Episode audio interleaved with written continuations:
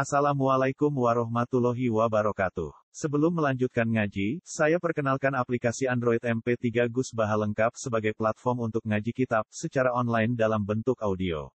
Aplikasi ini berisi berbagai kajian kitab kuning dari Kiai Haji Ahmad Bahaudin Nur Salim.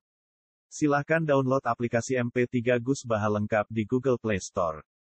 Link download ada di deskripsi. Wassalamualaikum warahmatullahi wabarakatuh. Bismillahirrahmanirrahim. Min alamati tiba'il hawa al musara'atu ila naf'afilil khairat wa takasulu anil qiyam bil wajibat. Min alamati tiba'il hawa iku setengah sangking alamate anut hawa nafsu.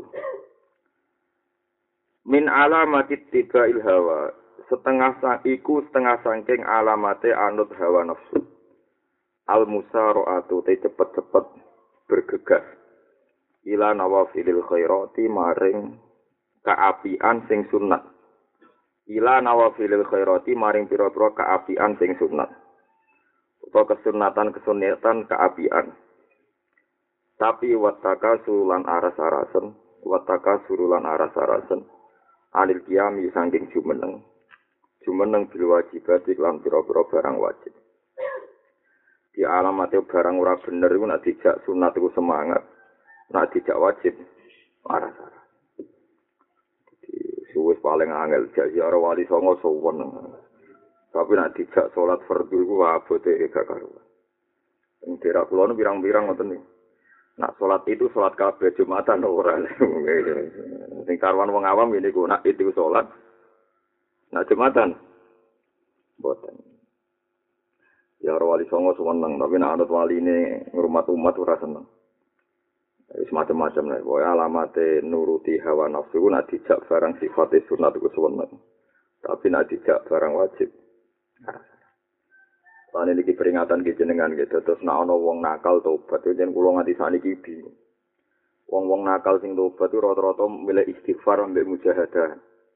Nak kon njaluk sepuro atau nyaur utange utawa njuk sepuro sing dadi korban iku ora wani.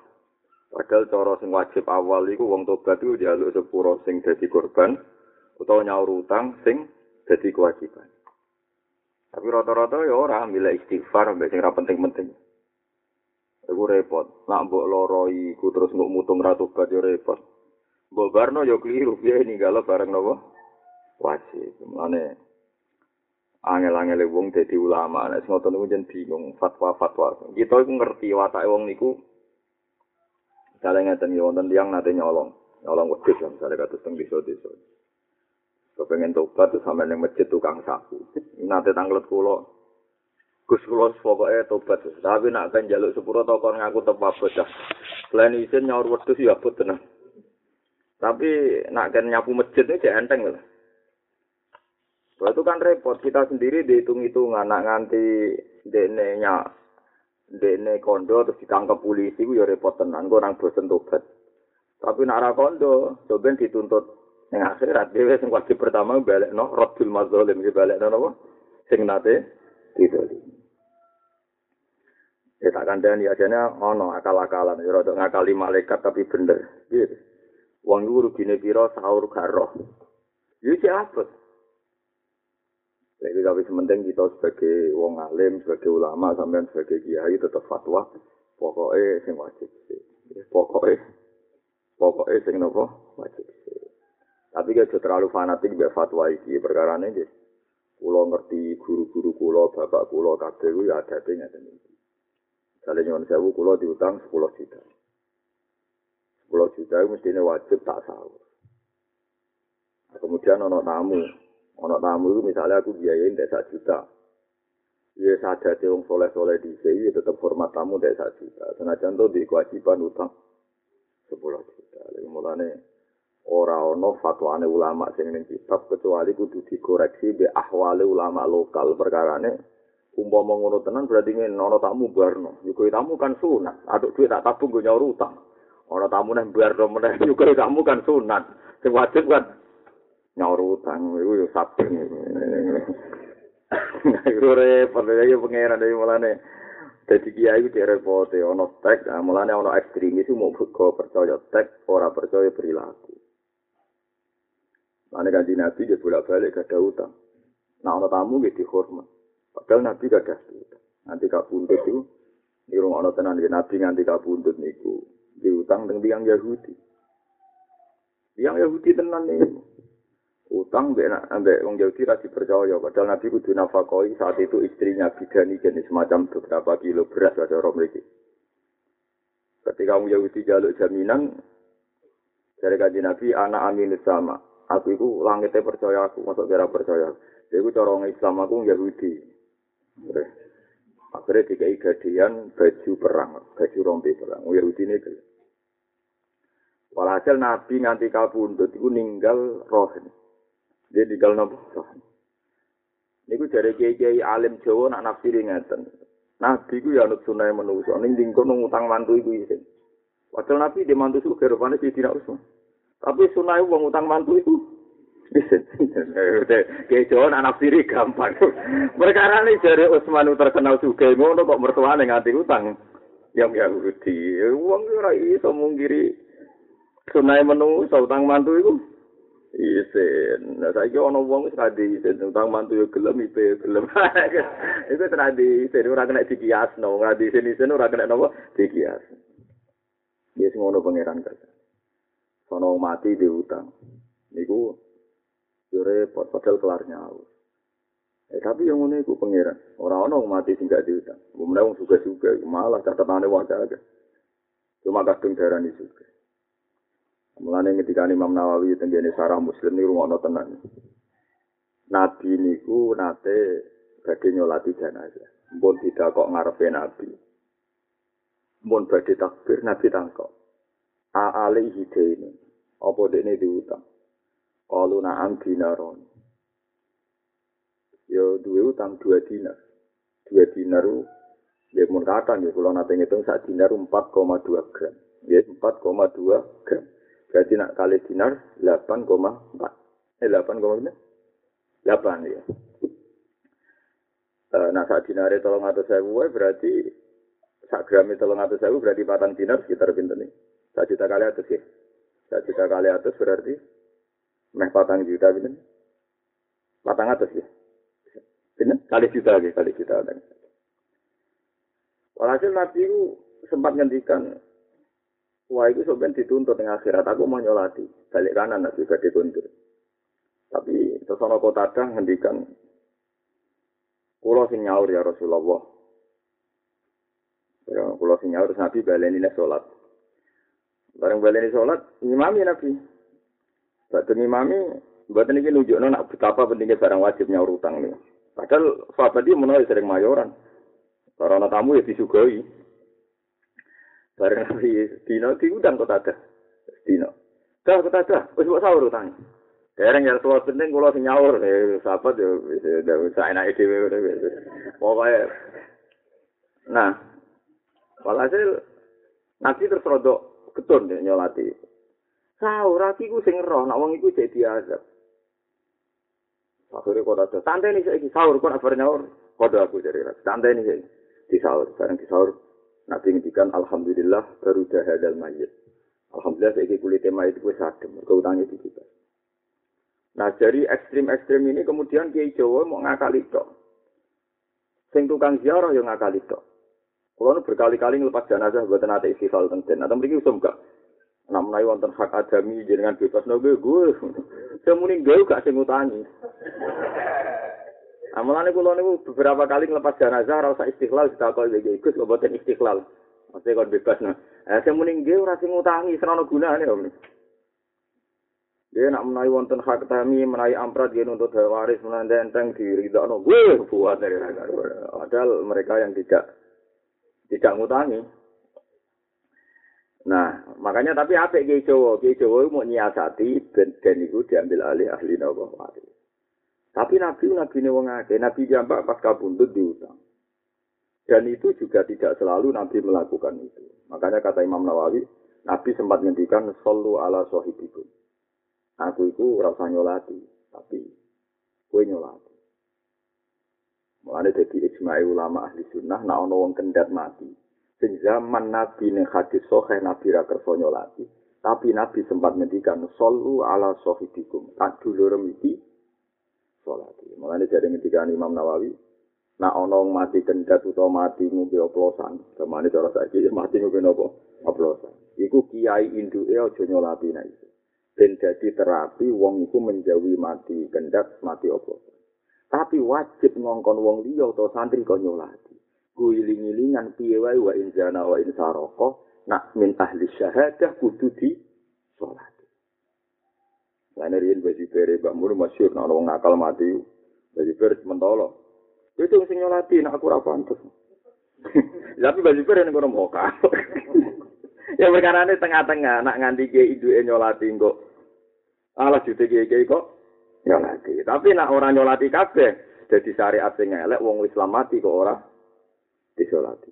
Bagian kula nate 7 kilo dari daerah saya itu ada Mbah mbah perhitungan itu mati ini ora karu-karuan.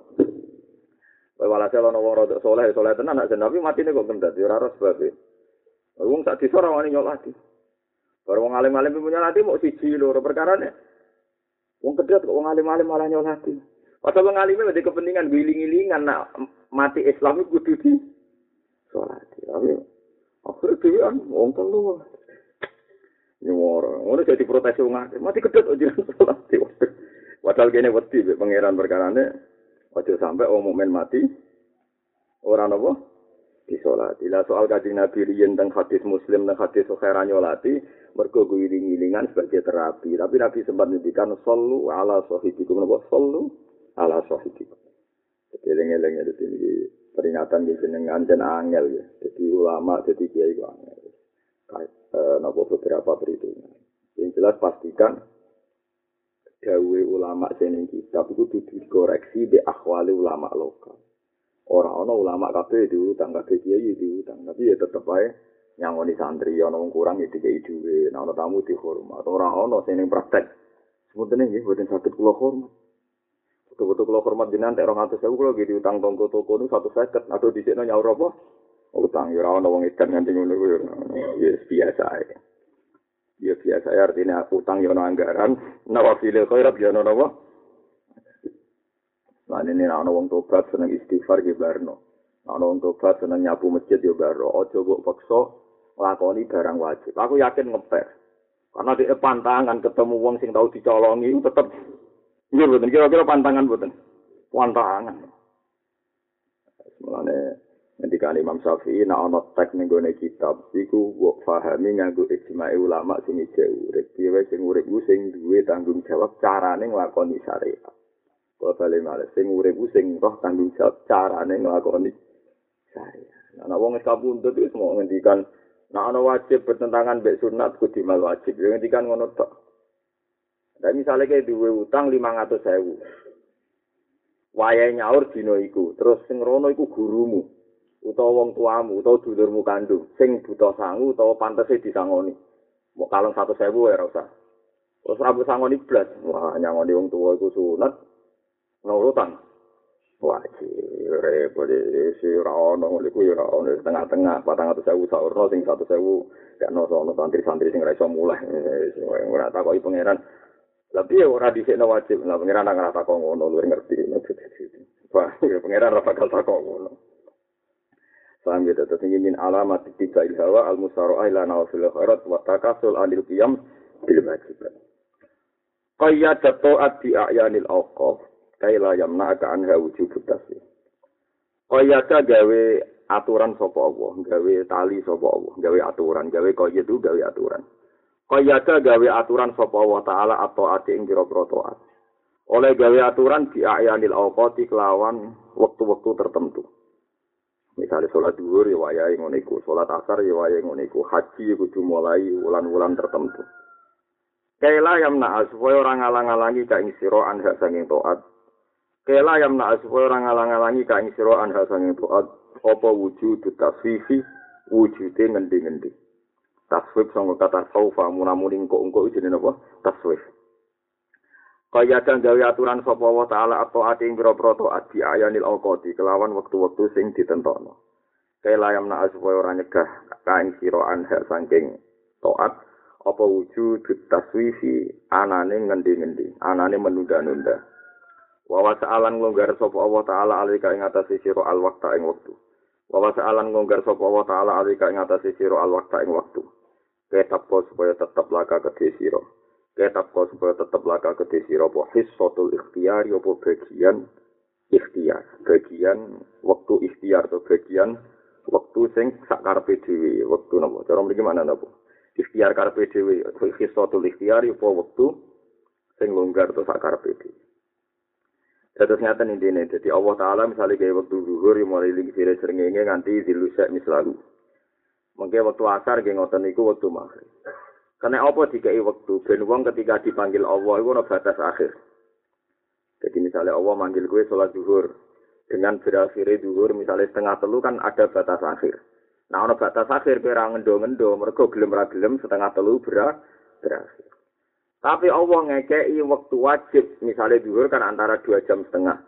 Nah dua jam setengah supaya anda jatuhkan pada waktu sing kue seneng tenan. Misalnya ada kan Allah wajib none awal waktu kan, misalnya wong tengah-tengah mangan, jebule no adan.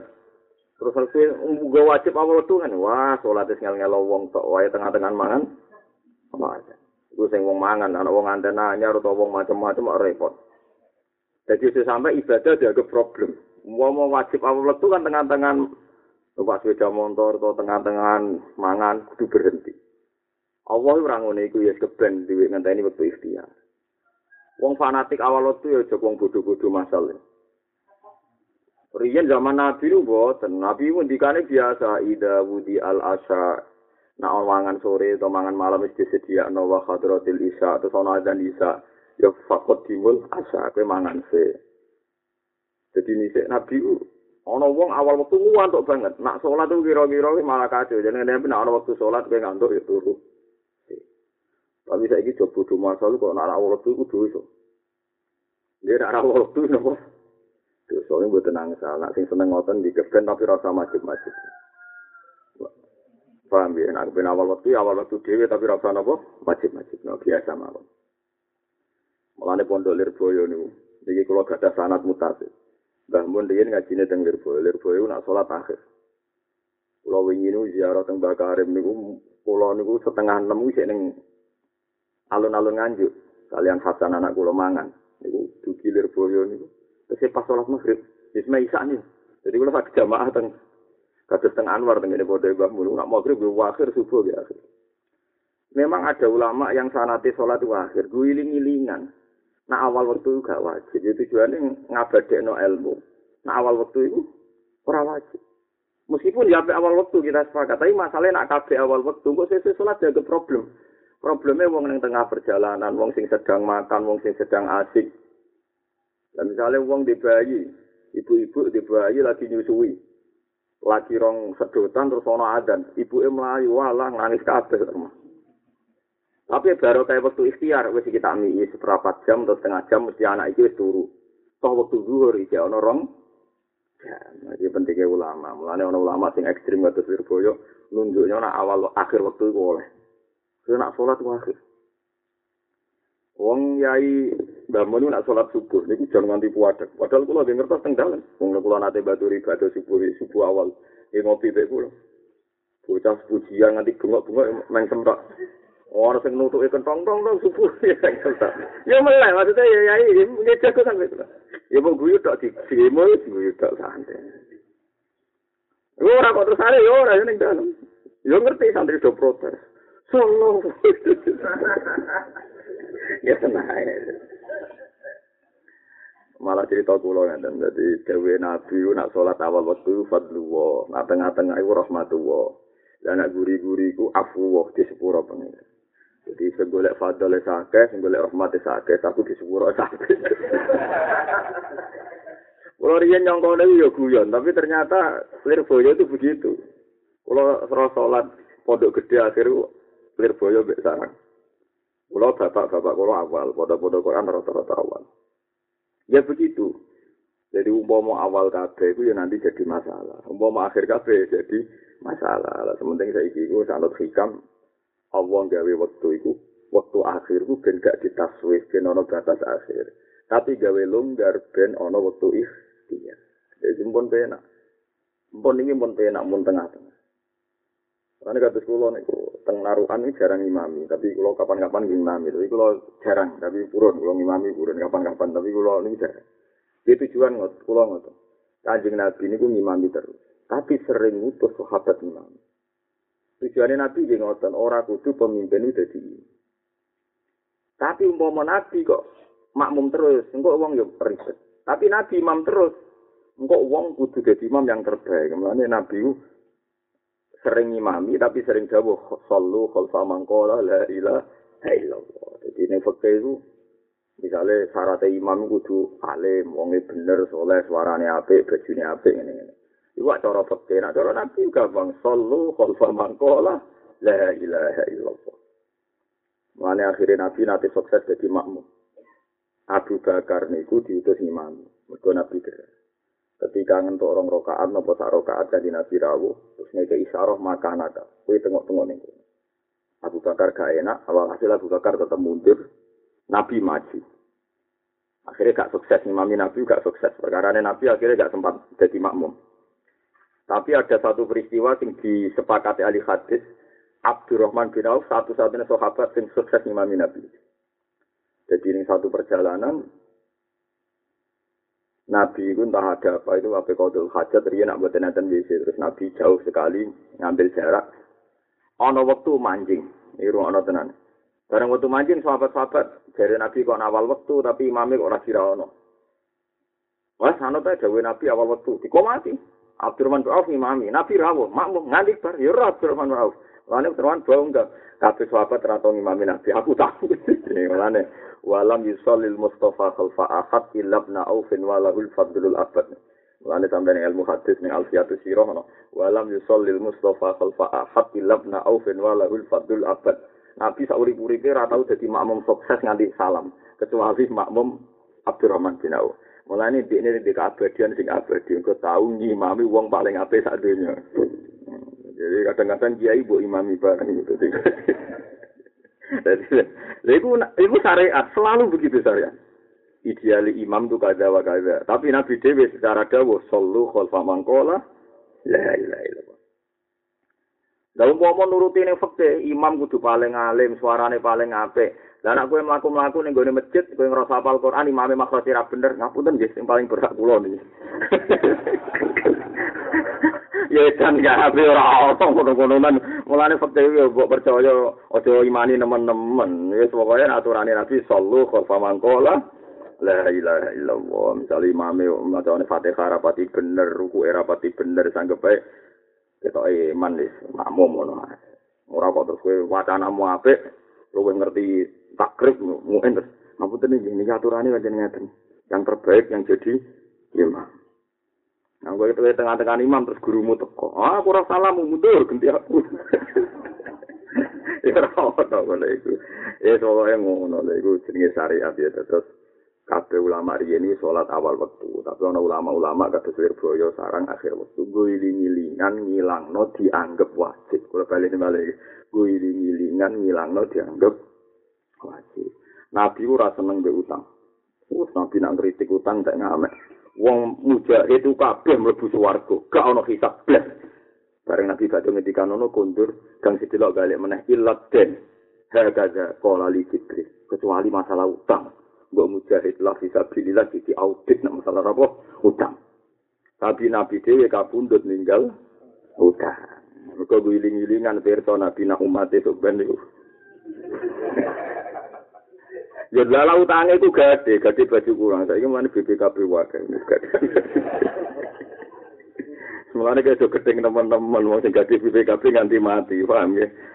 Iku ya niat atau nabi deh prakteknya ya semuanya itu ya semoga ini iku nabi nih wong akeh mulane penting ngaji ya sok suci pepe ono hadis nabi anti den gue sok suci anti dia wae nabi pas kabundut ninggal lorohen Wis ngono nabi, mergo nabi ne wong akeh. Nabi sering ngendikan ya ummul qauma aqra'uhum li kita billah. Iku yo hadis nabi. Dadi nek iso imam sing ideal, tapi nabi yo dawuh sallu khalfa man qala la ilaha illallah.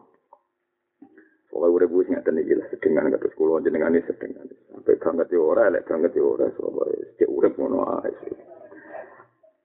Alima pirsa sapa wa taala qillatanuhu dil ibadi ing sidike berantane kawula. Alima pirsa sapa wa taala qillatanuhu dil ibadi ing sidike berantane utawa cara mriki napa kangen banget to jeneng bronto Alima pirsa sapa wa taala qillatanuhu dil ibadi ing sidike berantane pira-pira kawula. Kawula cek sidike kangen ning pangeran. Ila muamalati maring khidmah ning pangeran. Ila muamalati maring khidmah ning pangeran. Mulane fa ujaba mongko majibna sapa Allah taala alaihi ing atase ibad majibna wujud to ati ing wujude taat ning Allah. Jadi umpama kawula ora diwajibno salat, ya ora salat tenan. Umpama ora diwajibno zakat, ya ora zakat tenan. Mergo gak duwe kangen mbek pangeran ora duwe, berhubung ra kangen nek diwajibno ya ora rono.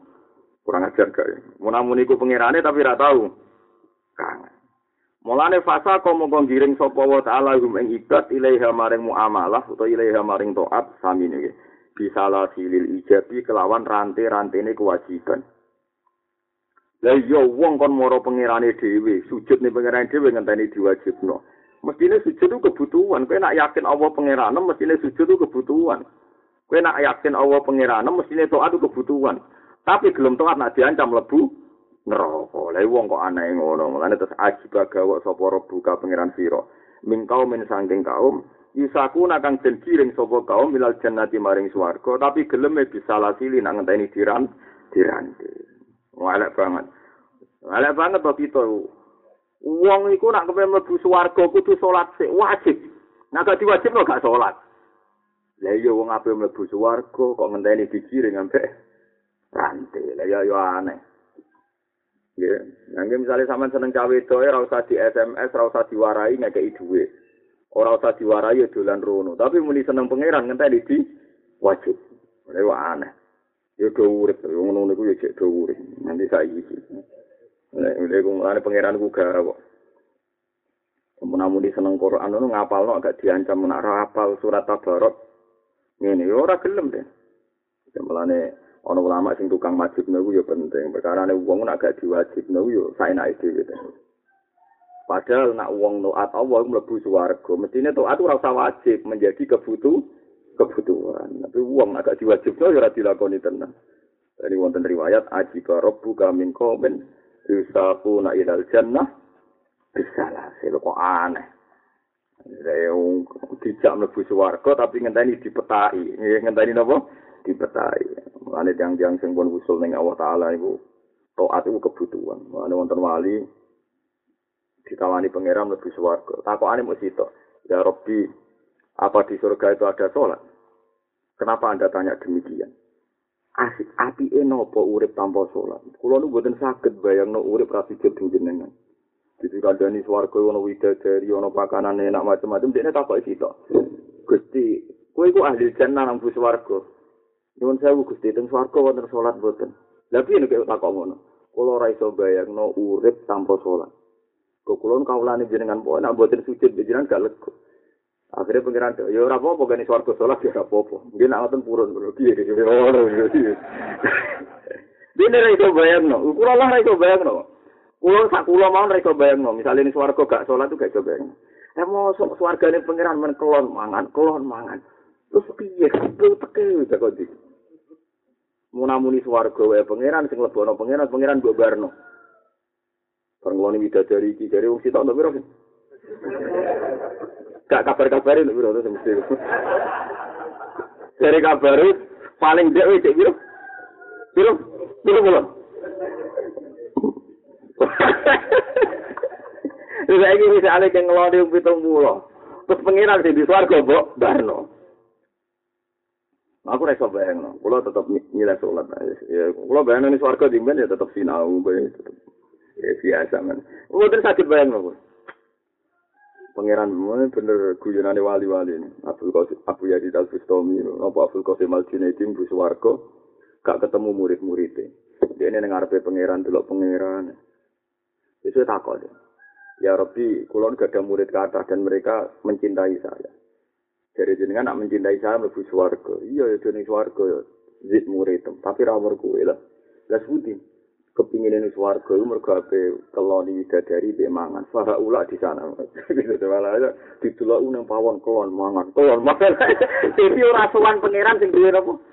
Swarga innalillahi inna ilaihi raji'un. Wis kena milih swarga iku ya monggo paham ya. Tapi betapa gak di akhlake. Wong swargane pangeran barang mlebu glundeng terus kelon. Iku ya elek tenan tapi wong alil jannah barane elek wong alil jannah. Mulane mulane milih sampeyan kok swarga sing di sing pawon-pawon las kelon mangan kelon mangan wis ora karu-karuan. Paham ya, dadi tiang-tiang saya iku ora iso mbayangno urip tanpa sujud ning gone pangeran. Iku gak iso mbayang. Ya, kalau balen malih wong apik-apik ora iso mbayangno urip tanpa sujud ning Allah Subhanahu wa ta'ala. Mane ning swarga Allah ya da'awahum fiha subhanaka Allahumma wa tahiyyatuhum fiha salam wa akhiru da'wahum alhamdulillahi rabbil alamin. Kok ketika mlebu swarga ya waqalu alhamdulillahi alladzi awrasana al-ardha natabawwa'u minha haitsu nasha. Fa ni'ma ajrul amilin. Sebagian ayat nerangno alhamdulillahi alladzi azhaba 'anna al-hazan. Inna rabbana la ghafurun syakur. Jadi wong-wong ning swarga ya ora iso ora kangen pangeran. Mane bener wingi kula ngaji sing ahad sore iku. Masih wong neraka nak wong apik iki wiridan ya Hanan, ya Manan, ya Hanan, ya Manan. Karena eling pangeran kebutuhane kawula. Lah elek-eleke wong sing ora iso eling pangeran. Mulane azab paling dhuwur lali pangeran. Lan ngendikane Abdul Qasim Al-Junaidi, Al-ghaflah asyaddu minan nar. Lali pangeran luwe azab timbang mlebu neraka. Al-ghaflah asyaddu minan nar. Dari lali pangeran luwe berat timbang mlebu neraka. Mergo khisape neraka, khisape ahli neraka paling berat ketika dikhitabi Allah, "Fal yauma nansakum kama nasitum liko ayomikum hada." Jadi saiki aku lali kuwe. Mergo kowe lali aku dhewe pengira.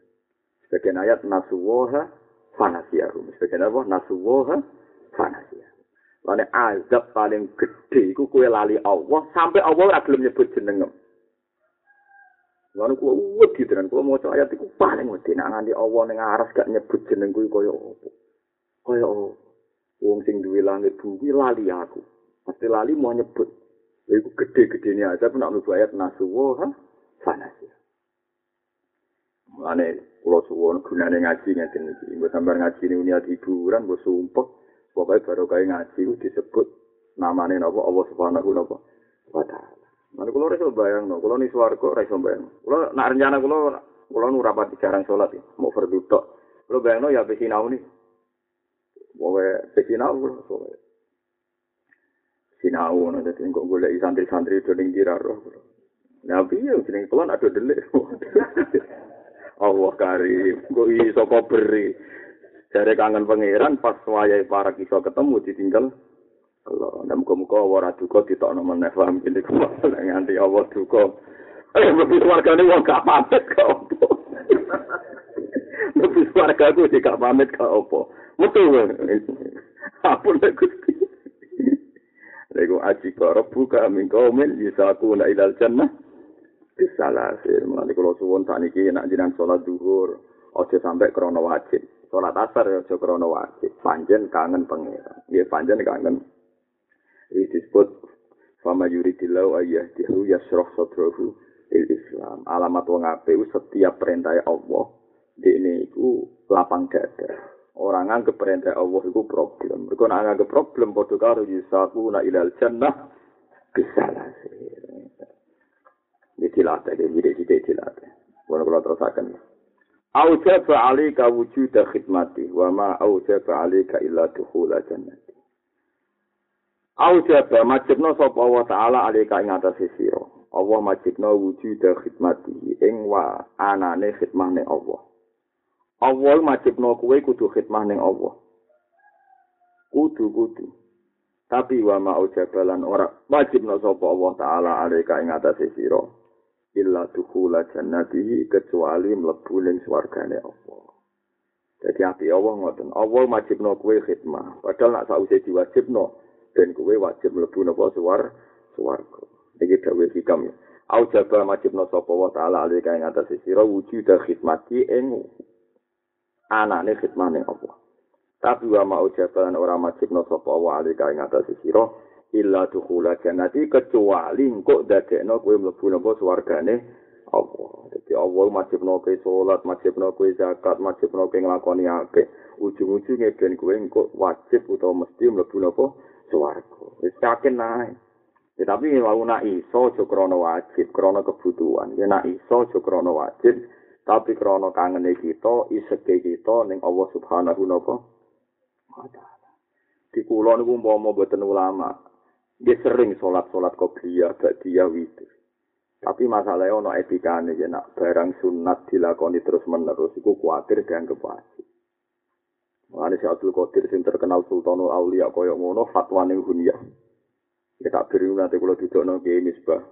Iku nak ono wong duha tiap dina mbek Abdul bin Mas'ud dipareng nomor disuwentari. Kowe nambahi sunai nabi. Duha iku sak ulang pisan ae. Lha iku sing cerita. Si Abdul Qadir nopo? Al-Jilani, wong khusyuke ngono. Tapi dia ulama. Itu orang duha rutin itu diparani mbek Abdul bin Mas'ud. Ini riwayat kita punya. Duha itu coba dino. Saya sak bulan to seminggu. Nah, Abdul Abbas, ya seminggu. Ora oleh bedina. Mau kuatire sunai pangeran sing sunai iku dilakoni terus mbok dadi prop. Lho ke mulane saiki baru alhamdulillah wong Indonesia sing rada pirang-pirang barokah. Umpama wong sak pasar duha kabeh, suatu saat ana wong loro gak duha dianggap fasik. Tapi barokah gak duha kabeh. Ya biasa kan? Jadi barokah di sing duha dulu. Ya Tapi nak cara ulama pancen ngono, nek tapi duka duka dhewe wae. Ya saiki sekono bodho masal iku usum sunat-sunat itu jamaah bersama. Waduh, ngadakno wong. Mbok tentang iku kiai kok tentang tahajud bersama. Nah, buat tentang padahal tahajud itu kismun sing layu sandu jamaatan kan sholat itu loro ono sing disunatno jamaah ono sing ora tahajud kategorine gak disunatno jamaah repot Eh, tapi mesti alasannya ngono, mboten tidak jamaah, mboten tahajud.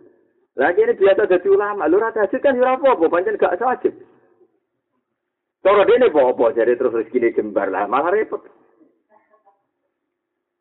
Kulo nu bingung ngadepi ajaran-ajaran itu bingung. Nentang yo rawani, perkara ini kulo yo seneng ana wong sujud ning pangeran. Dukung yo rawani. Ya kok wani sebuti, cara hukumnya Allah Ta'ala ini sing wonten hadis soleh, sohen.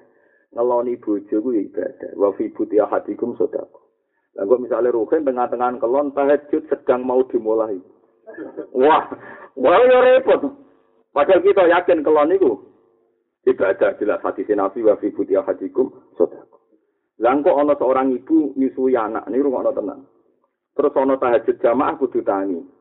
Padahal sing marai ora ana adab seorang ibu sedang menyusui anak Ya jadi pangeran dengan hadis kutsi ngendikane laula rijalun rukka'un wa sibyanun ruddu'un wa bahaimu rutta'un la subabna alaikumul azaba subba. Allah pun ndelok bumi kepengen mengazab, tapi nak ndelok cah cilik-cilik sedang menyusui. Delok kewan-kewan sing ora tau dosa, delok wong-wong sing rukuk sujud. Iku azab gak sido. Jadi termasuk sing mengcancel azab iku cah cilik-cilik sing sedang menyusui. Mana kaji Nabi sholat fardul anak kurung cilik nangis dicepet mau khawatir ibu ke susu gede menyusui anak. Mereka termasuk tamengnya azab itu cilik menyusui. Mana kan ada di ulama ya kata sekolah lah sarap-sarap sidik semoga ra jelas ini sebutkan. Iya semua nih. Wah sumring, kalau tak kulo di luar yang berapa? Jangan kok aneh lah, kuski dicapai kok tak gelem. Ya sekarang ape-ape dewa jadi aku. Aku itu wong bingung, apa itu nanti wong bingung. Aku alhamdulillah ulama tetap di keramat. Barang di anak anak tenan ora kuat suwe tukaran. Aku terus barang apa apa ya. Lalu itu nek seneng aku ya tahajud tenan ya repot. repot repot ora tahajud tenan. Allah karim ngono. Nyata dia dhuwur pun wis Wis penting salat fardu ya, penting salat apa? Tapi pancen ngoten tenan ya, pancen repot ya ngadepi masyarakat urip. Ayo saiki malah salat khusyuk itu dijual belikan. Cara salat khusyuk. Ono terapi ini. Ora khusyuk tenan itu fungsinya kok senam yoga. Mergo fungsine sujud ngene, fungsine rukuk ngene, engko nglancar aliran darah. Jare wong alim iki salat apa fungsi medis. Sesi ana wong sujud niate ra tunduk ke pangeran melancarkan urat. Lah yo ngene repot sing dadi ulama repot. Ora ngakoni sirine salat, ora ngakoni hikmah salat, jangan-jangan jen di antara hikmah salat do kesehatan, paham nggih? Nak ngakoni tenanan, jangan-jangan ana wong sujud ora niat tunduk tapi niat nglancarno darah. Lah akhirnya kan terkuat tertakoki, semua di kesara jenengan. Gerakan sholat-sholat ngoten. Aku kok bingung coba takoki. Tapi ya tetep tak terang no. Bingung seperti itu. Ya maksud tuh ngene, nak nganti fungsine sholat itu konangan kabeh, iku kok kayak senam yoga. Kabeh ya ono fungsine nggo apa? Wawancara peredaran. Ya, tapi aku darani sholat orang ono fungsine kesehatan yo keliru. Pengiran gawe yo mesti fit dunya hasanah wa fil akhirati hasanah. Aku wong alim, kasih wong alim ya bingung ini iki ngomong ini. Lah terus budi, ya bingung ini iki, ngene. Pokoke aku ngomong ini iki sampai nang wong-wong. Lah artine piye? Artine ngene iki wis pokoke ngomong ini. Paham ya? Lha yo coba masuk, artine ngene iki. Jadi kalau itu duwe kuatir, nak engkau ono fungsine kabeh, terus fungsi itu lali pangeran, tapi sadar fungsine. Sujud kesehatan. Nek sujud di sisa pangeran ane swarga. Coba sujud kena apa? Alhamdulillah kejujur sujud berdarah-darah kula lancar. Ayo repot. Ini dia.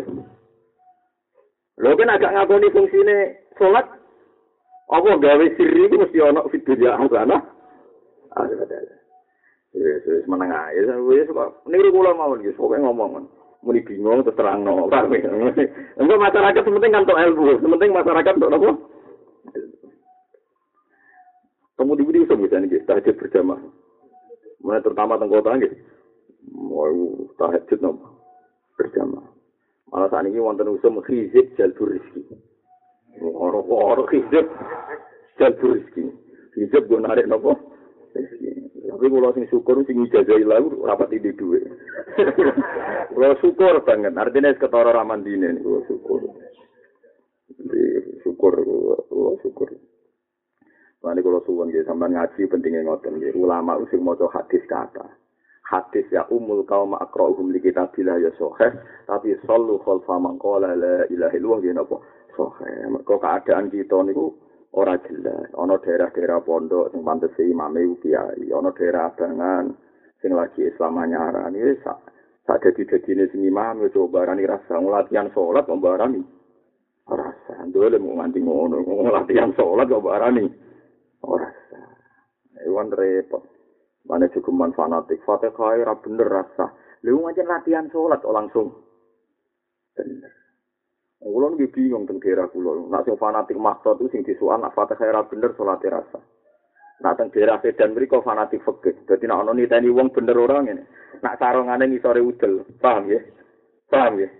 Terus salat nganggo hem ku rasa. Perkarane kok nak pas rukuk utawa sujud dibayangno dinceng kok ngisor. Deto, eko samping. Deto. Terus ngapain gitu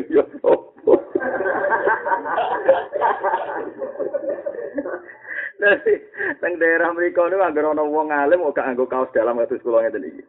Adek sarungan ngisore. Udah lu dianggap sholat rasa. Mergo pas ruko didelok mintuki napa komisi bayangane kan didelok king napa napa mriki jeneng. Kulon mintuki komisi ku kira-kira didelok ketok gak sah. Ngoten nek kula jarak salat nang kaos dalam kula sarungan ngisore utul melok makmum. Dia segirit yang nih, rasa, menengah Dari ngomongnya wong tahu lagi sana, sudah keberat di baru.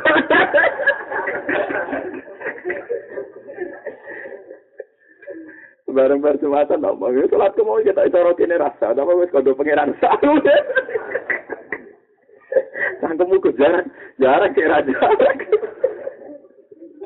Sangat lu Jadi tiap daerah itu yang difonis gak sah itu macam-macam. Nah daerah fakir itu kasus no itu, kayak sarungan gitu, ada nopo. Oke, mana daerah mereka uang mesti nggak kaos dalam. Kalau ngono sarungan itu duduk, nanti ono tiang sarungan nggak mepet duduk. Anak daerah di kiri, daerah Pasuruan itu akhlak be guru. Wong persidi guru sampai jadi pepatah guru Tuhan kedua fanatike lan gitu. Dikandani pangeran ana azan komat ora mandi tapi dhewe kiai melayu. Lah iya panggilannya pangeran mbek kiai kok mandi. Santri itu pacaran biasa anak rakunangan kiai ini begini wedi padahal nak mbek pangeran. Ora wedi. Mulane sampai dadi guyonan. Eh kiai Timur sirik. Ngopo wibawane nganti kok pangeran. Ya perkara iki mau masyarakat itu sampai pangeran rapati wedi to bebek kiai. Wedine ra karuan. Tapi ya ono sing nak kiai Jawa Timur alim ono nak ngene. Mergo kiai ku wong ku. Wong ku mesti rapati apik. Tapi ya nak pangeran kan apian. Nah kiai kan apike pas-pasan. Mulane nak kecewa ngamuk pangeran ora ada maksudnya. ya ono sing nak wel ngene ya kok pinter ya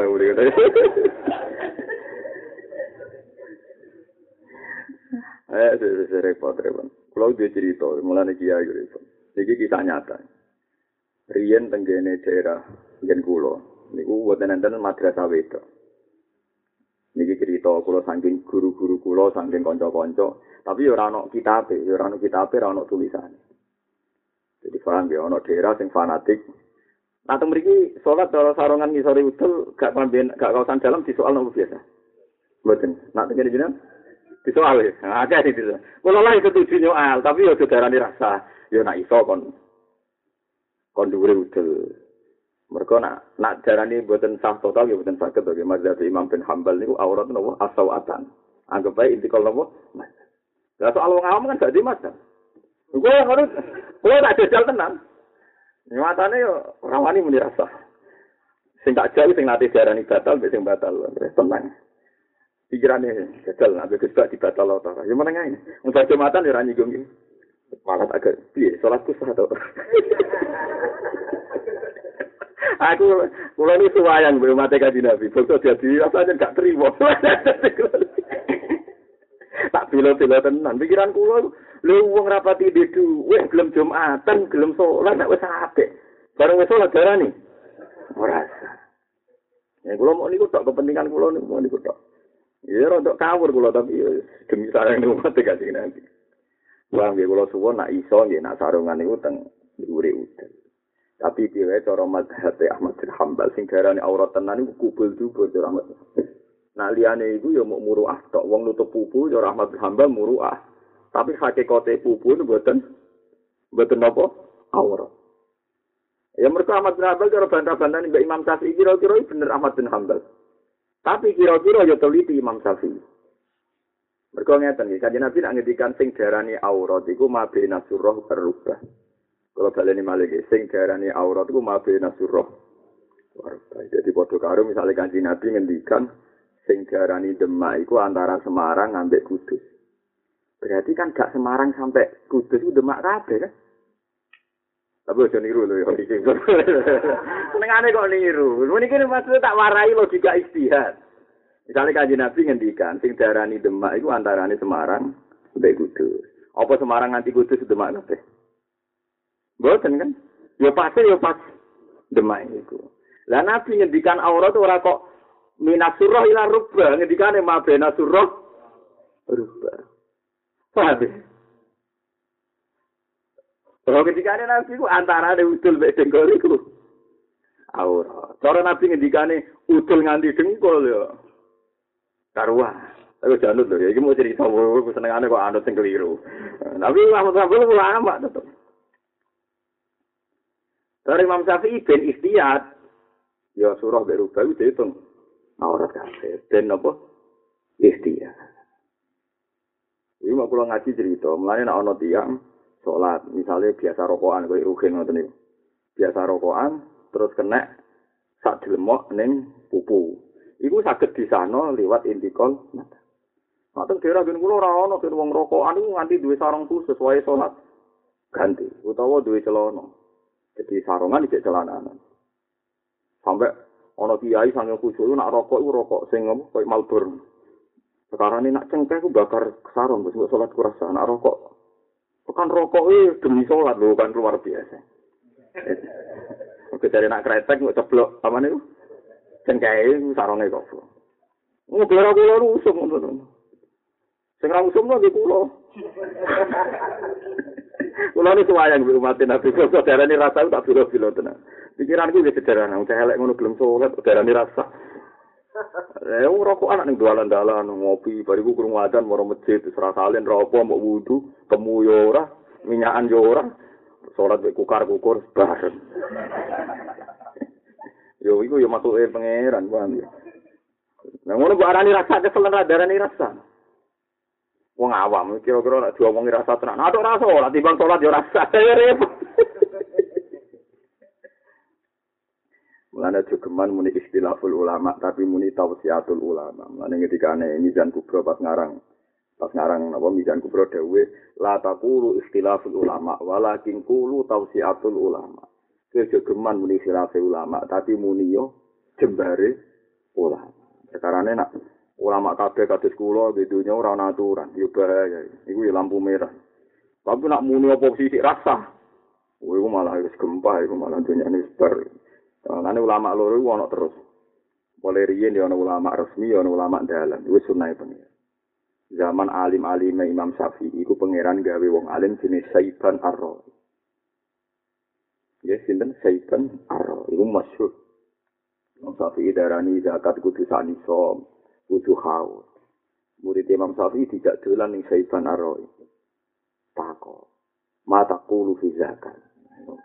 sampai murid Imam Syafi'i itu protes mislu katas alu hadal badi jenengan saali medina atau kok bedui wongnya senengannya ngon wedus ngalor gitu akhirnya saya penaroi tako alamat hatikum aw alamat hati coro kue apa cora coro jenengan nah cora aku dulunya aku rasa anisop lah wajib jaga nah coro mazhab mak ngenteni saat nisop nggih kenapa coro jenengan orang saat nisop kok wajib jaga lah iya apa nak dunia sidik terus orang ono subhati sing diarani zakat itu perkarane rawan subhat. Apa nak sidik ku gak subhat? Jenenge dunya sidik lah. Ya ana subhat. Ya sami mawon to. Apa nak duwe ruhen bae ora duwe terus gak ana subhate. Apa mana duwe kernet-kernet supir bodoni ya bolak-balik. Ayo cepet-cepet tapi jalan tapi jalan ya jalan jalan. Lah, wong mlarat wis pinter bodoh. Bodoh ni. Apa mana nak Umbalan teng Magelang zaman kula tesih sering ngebus. Kuwabe bus muni oh terakhir terakhir. Padahal yo terakhir. Nager tawa, kula riyen nanyaran yo langsung numpak waduh kita bus terakhir ora tok yo. Jebule ora tau terakhir. Jam lima ya beri terakhir, mau setengah enam. Beri terakhir, mau setengah enam. Lah iku rezekine ya subhat tok. Wong melarat. Lah iya dari saya ben aroi, kowe kok iso wajib no zakat ngerteni sak iso ku alasan apa? Apa dunyane wong sing dunan iso ora ono napa? Coba, ya yo padha wae. Lan terus muridnya lagi ngakoni, sebeli wong yo ngalih. terus dari Imam Syafi'i bareng gondor ngandani murid.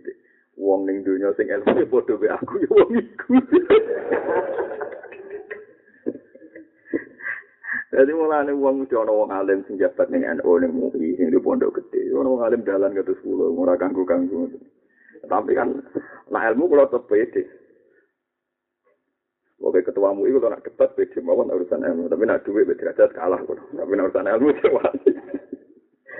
Lha mulai dhisik pangeran duwe sunnah ngoten iku mesti ana Abu Yazid Al Bustami riyen wali populer. Ya nate disaingi wali sing penggaweane ning dalan-dalan. Senate kalau cerita no jenengan. Terus kalau kalau suaraku warga kancane sinten dulu dijawab deh uang itu. Wong kuning jalan kanjana no fase fase. Yurano ya, kita tuh udah diceritani guru-guru guru. Bareng wonge Atu ya itu di balik kanan mereka wonge kanjana no fase fase.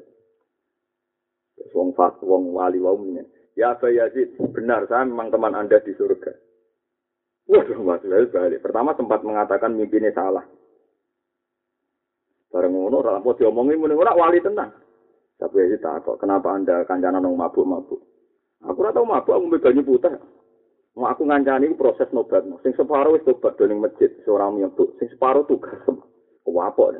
Wali resmi biasa fatwa ning podium, biasa ngaji kon nobat wong dalan. Wabu ya kita kira ngetono wali.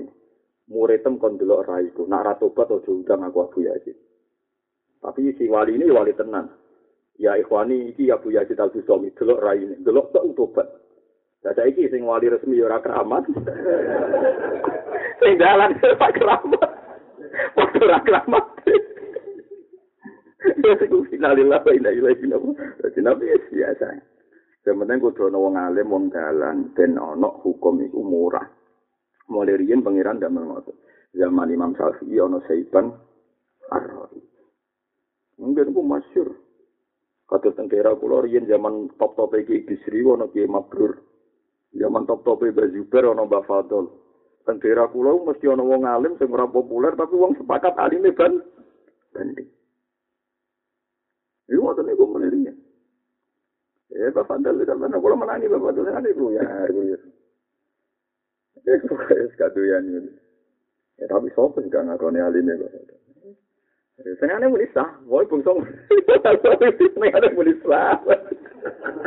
Sing ane foto sing ane muni rasa. Oh, dia ku foto. Mulane anggere ana wong takok Mas saya pondok kok muni rasa mesti itu anakku. Takok Gus Baca mau sadar ya. Oh, ya. Tapi sekolahnya kuno ngoten. Kunane kuno niku.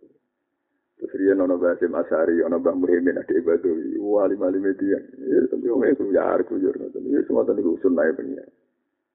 Ya ono ono nabi populer, tapi Nabi Musa. Tapi ono nabi Khidir sing disembunyikan pengiran. Jadi Nabi Musa gitu, komunikasi besinten Nabi Khidir iya, semua ono naik pengiran. Ono saya Ali populer, tapi kunjungan wes al kordi sing boten. Ya, sana ya, ya, populer ya, betah, ya, ya, ya, ya, Akhirnya hasut, nih, sing populer nopo hasut. Sing populer wis nek mati populer emang konsultasi mbek iki. Ya iki wis musibah, iku wis ora khilaf iku ma'adzab ya nek sing ngoten niku. Mestine iki biasa. Artinya iki biasa, kudune sing ra populer mbek sing populer sering ketemu cocokan kados Imam Syafi'i mbek Saiban Ar-Rawi. Nek ditakoni, mata kulu fisakat. Alamat zabika atau alamat zabika. Mengenai Sayyid Umar Hafid itu suweneng cerita khilaf Imam Syafi'i deh. Setan nopo. Masuk ikhya itu suweneng cerita kitab Ithaf masyhur Setan Arroi. Lan kula kepengin kados kados wong alim-alim kados Setan Arroi kula seneng. Wong dalan tapi wali kelas tenan. Tapi sak niki niku sangel. Kaya wow, ya itu tadi pun pun pun niki penting fatwa kula terus la taqulu ikhtilaful ulama walakin qulu tausiatullah. Lalu di pengalaman ini diceritani guru-guru kula, muga-muga cerita ini bener. Mbah Zubair wabai Bahmun, yang alim alama. Niku kagungan madrasah sana. Ini sesini lek Lukman berdiri madrasah sana teng sarang Mbah Zubair. Niku sangking dalam, niku cawe itu metu sekitar setengah kilo. Dari ya pokoknya jalan, jalan, ya, jalan di depan umum lama lah. Bahkan ngeliwati pondok kangkang, itu radius 12 kilo dari sarang banyak kayak yang protes karena daerah situ eh tenan ono wong wedok kok maksudnya antar wong soleh lagi antar wong nopo soleh lagi orang wedok sekolah Kiai daerah mriku percaya nak wong wedok roh tulisan mari pacaran. Wae percaya taklim mutalim wong wedok ora oleh diwari tulisan mergo yang jangan. Cara ki kuno adarane pacaran apa? Yang jangan. Jadi bariku wong alim pengalaman. Tiap kali kiai sing ngaramno. Tidak marung tenggene tiang nakal. Tidak marung teng tiang nakal. Kadang tak marung ya semangat. Ya, cara saya dahar tahu tempe terus. Duk catet, engkau tak bayari. Ya bagi kiai sing sing ngaram nong. Bah, kalau betul sakit nyatet ya. Oh, ngomong no, tinggal ngomong no lali duk aku catet ya. Ben gak lali. Jadi aku mau mangan iki mantap ya. Kalau betul sakit nulis mbah. Hasil akhirnya baru marung. Sing kiai sing aran lha iku reso nulis dadi lonte. Wah semane dibuat nyindir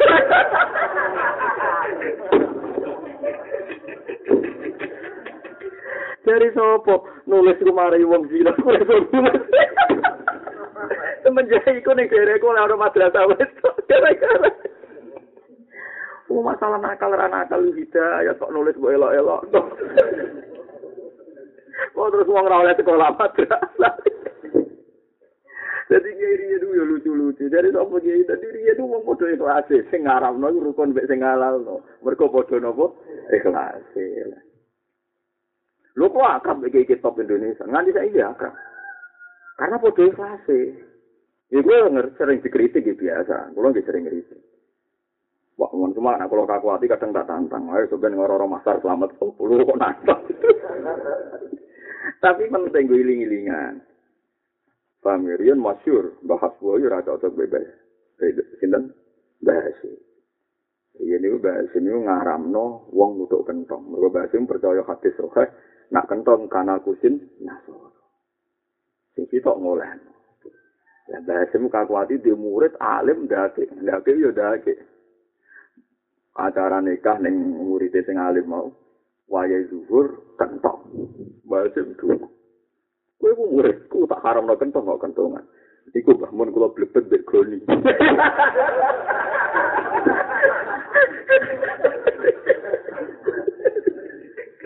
Dadi kula mboten nutuk kentong tapi nutuk. Langsung guyu. Jadi ulama di saya sendiri, nara cocok. Saya iki ora gak cocok iku tukaran, perkara ora ono ikhlas. Iya dulu lucu-lucu. Seneng kula, dadi seneng kula ora cerita-cerita gini. Eh, eh, mana rapopo ya, namanya kuatir kentong ibu kaya aku sinasoro dikemuli goni. Ya dadi omah kula niku tahunan ana ana kelintingan sapi. Mun tahunan. Dikatakan kita kok, Gus, jadi nak kelintingan sapi malaikat gak lebu. Mereka kaya kelintingan wong Nasrani ning gereja. Yo iku ora kelintingan gereja, kelintingan sapi. Wong aku tuku kok kado sapi.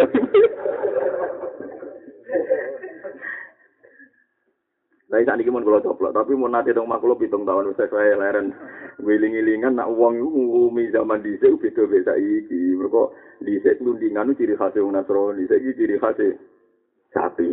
jadi, wes rubah cara jadi ciri khas. apa tuh karo Rian ke Indonesia ngaramno santri celananan. mereka mantas sabda biko min wah, mereka tinggalan, sing namun namung belan ndak. Saiki kabeh wong celana." Itu tak sabar, saya itu bodoh aja. Ya, itu hukum dari ulama itu duani bongkar hukum. Bang, ulama itu duani bongkar nopo hukum. Tapi nak silap juga jauh kan aja terus uring-uringan. Jadi nak silap ya kok baju ber. Gak marung kok nyatet. Tapi tapi itu sih toh. Ya gue misalnya mau itu nyatet terus. Jadi dia dia itu, oh bapak ya aku pernah ikut ngelatih mereka.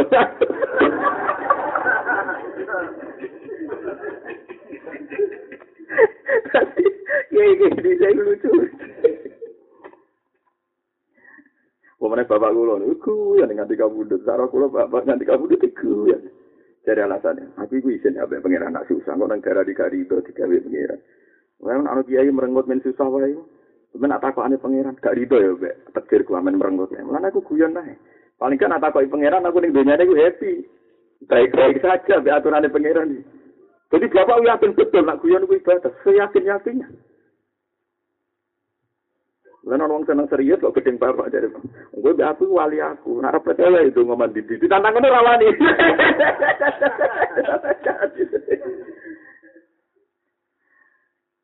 Jadi wong nak wong alim iku guyon wae di ilmu ni. Amdan, artinya amdan kuatir nak ini gak rido be. Ridane di ekspresekno ceria guyon. Ora kok guyon uraan. Ma'adha wah nak ana wong alim guyon apa? Ora. Ya mau guling-gilingan ning dunyane pangeran happy. Jadi contoh gampang misalnya kue dikai sugatan kiai lomo, kue mangan mbek happy kan sing nyugati seneng. Tapi nak mangan mbek merengut menengahe koyok sing nyugati kurang opo kok do merengut. Ada di guyon ya ana ilmune ora plangpon guyon ya ana ilmu. Tapi nak kowe merengut, milih merengut ana ilmune nggih monggo. Tapi kita itu krana utang ya, aku yakin. kita ora krana ilmu, krana utang masing-masing. Manis tagroba ayam kudahu wa, atau ayung kidahu wa. Man desapane wong istaghroba iku nganggep aneh sapa man. Wong nganggep aneh ayung ing yen to nyelametno ing sapa Allah Allah min syahwatihi saking syahwate man. Wong nganggep aneh selamat sangka syahwate wa ayyukri jahulan nganggep aneh yen to ngetokno sapa Allah taala ing man min wujude adi sangking wujude laline wong. Fakotis tajaza mongko berarti nganggep atas sapa man. Al kudro tak ing kekuasaan al ilahiyah kang bangsa kepangeranan. Wa kana wa ala kulli syai'in qadir. Muqtadir. Wa kana lan ana sapa wa wa ala kulli syai'in ing atase saben-saben perkara iku muktadiron dat sing kuwasa. Jadi syahwat itu kaya apa mengikat kita, kaya apa kita parek mbek syahwat. Tapi kena kue nyongko ora bakal selamat sangka syahwat, berarti nganggep pangeran iku lemah. Tapi kalau warai iki carane iki kalau warai ini musalsal nganti Sayyidina Umar bin Khattab. Misalnya kue rawong ayu kan syahwat, rodo ayu syahwat. Kena cara Sayyidina Umar barno wae syahwat. Yang penting ojo zina. Mergo justru kue duwe syahwat iku nak kasil ora zina, dadi ibadah mergo ninggal barang mungkar. Mergo Allah ora nulis ganjaran ninggal zina, kowe ra zina mbek kebo mbek sapi mergo ora duwe syahwat. Nanti ditulis ganjaran mergo duwe syahwat. Jadi Dawe Sidina Umar ketika ditanya, apa engkau pernah terlintas ingin zina sama perempuan-perempuan itu? Ya iya. Apa anda ingin meninggalkan syahwatmu? Enggak deh. Aku kepengen syahwat ibu ijek tapi ramak siat.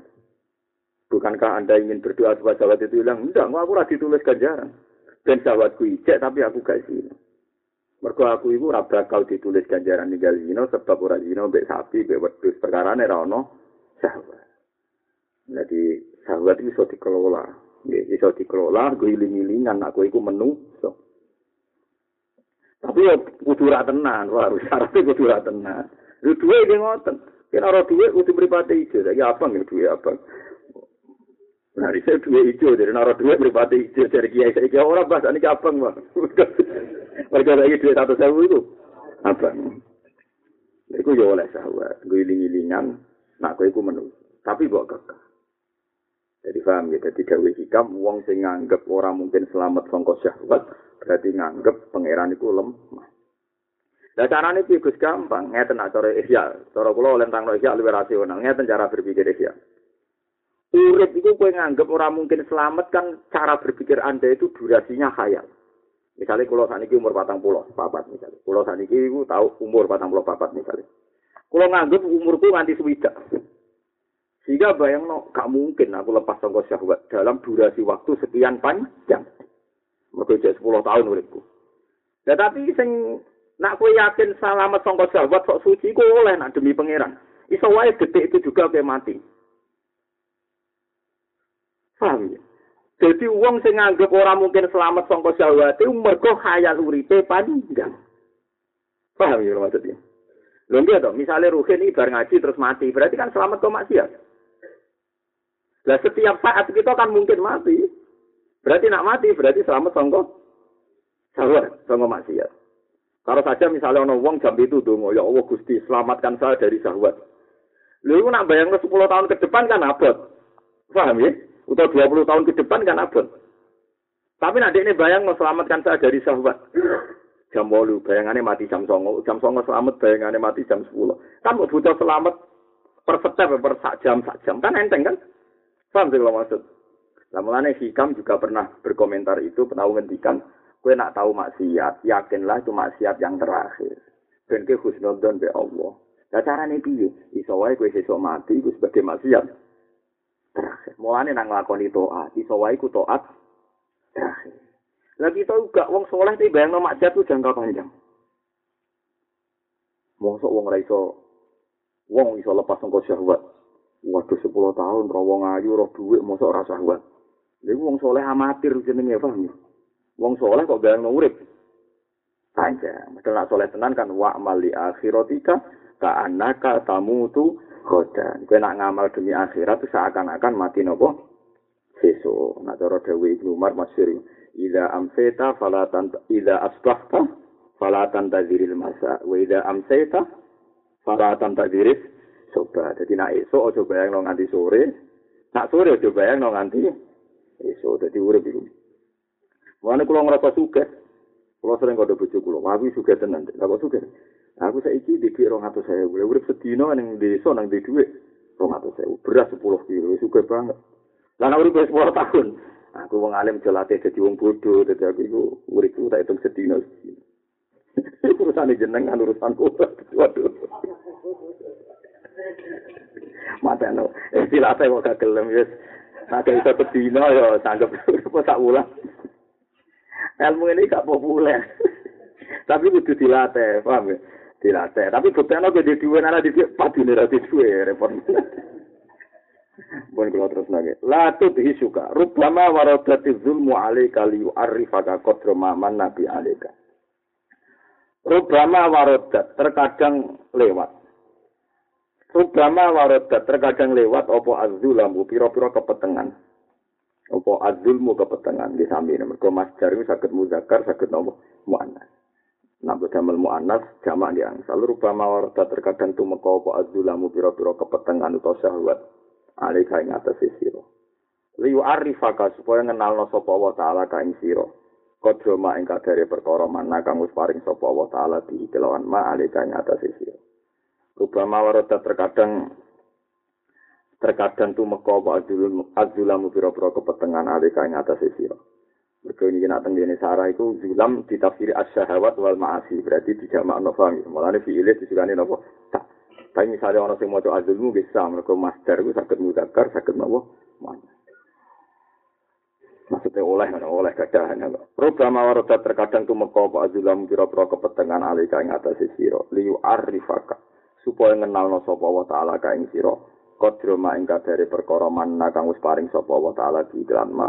Alika ing atas siro. Kadang wali-wali ya roh rasane peteng, roh rasane syahwat, roh rasane kasmaran macam-macam. Gue iling-ilingan dek ini gue ben sadar nek mati Allah iku akeh. Maksudnya ngeten iki. Misalnya orang wali papan atas.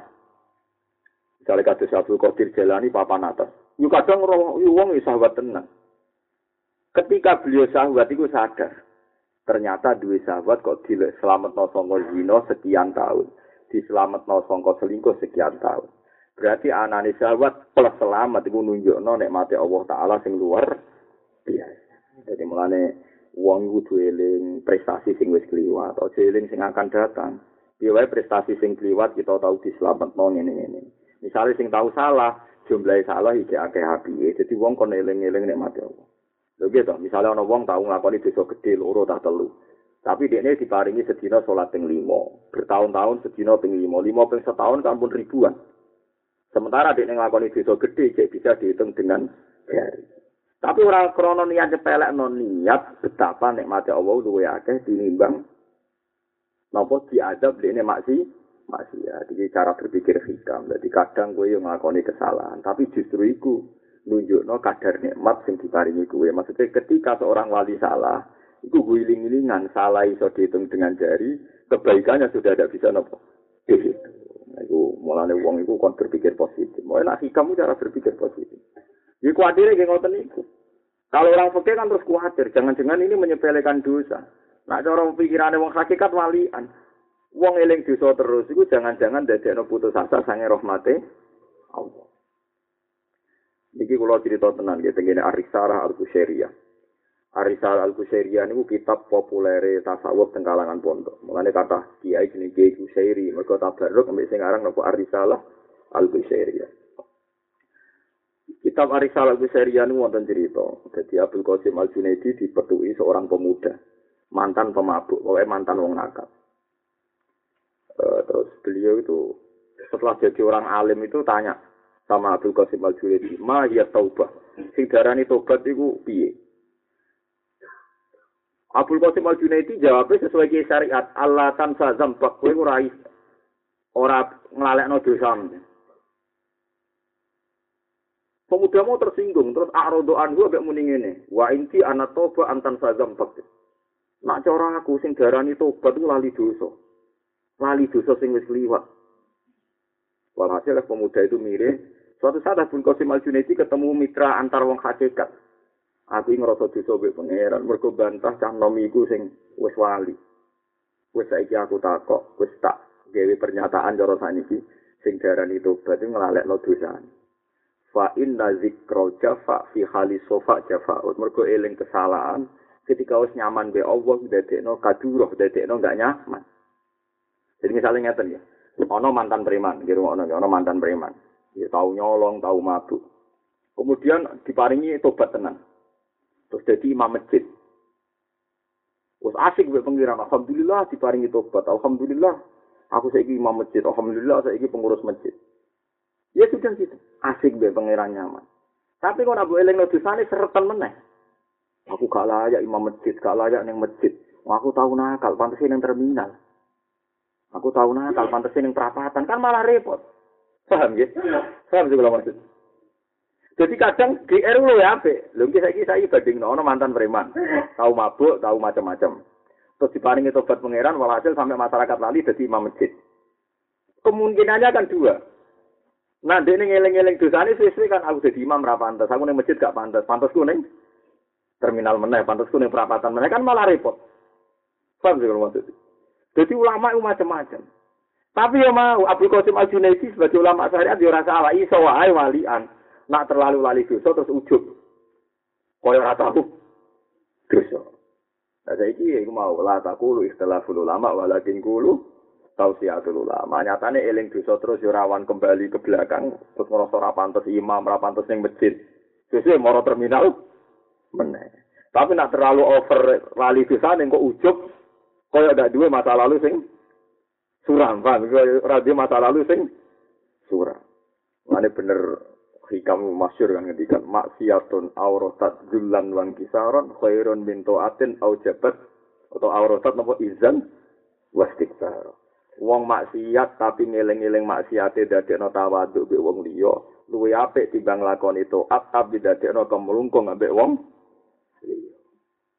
Nah, ini penting, pentingnya ngaji. Jadi wong nak terlalu eling maksiat, jangan-jangan terus ngerasa ora pantes urutan masjid ora pantes dadi kiai. Kok ya repot balik ke belakang. Tapi nak terlalu lali dadi ana napa ujo mun kula kalian iki rupa mawarat terkadang tumeka apa azulamu pira-pira kepetengan alika ing atase sira? Sebut ini liyu arifaka supaya mirsakno sapa wa taala ka ing sira? Awa mirsakno qad ing dari perkara mana kang wis paring sapa wa taala di iklan ma alika ing atase sira. Walam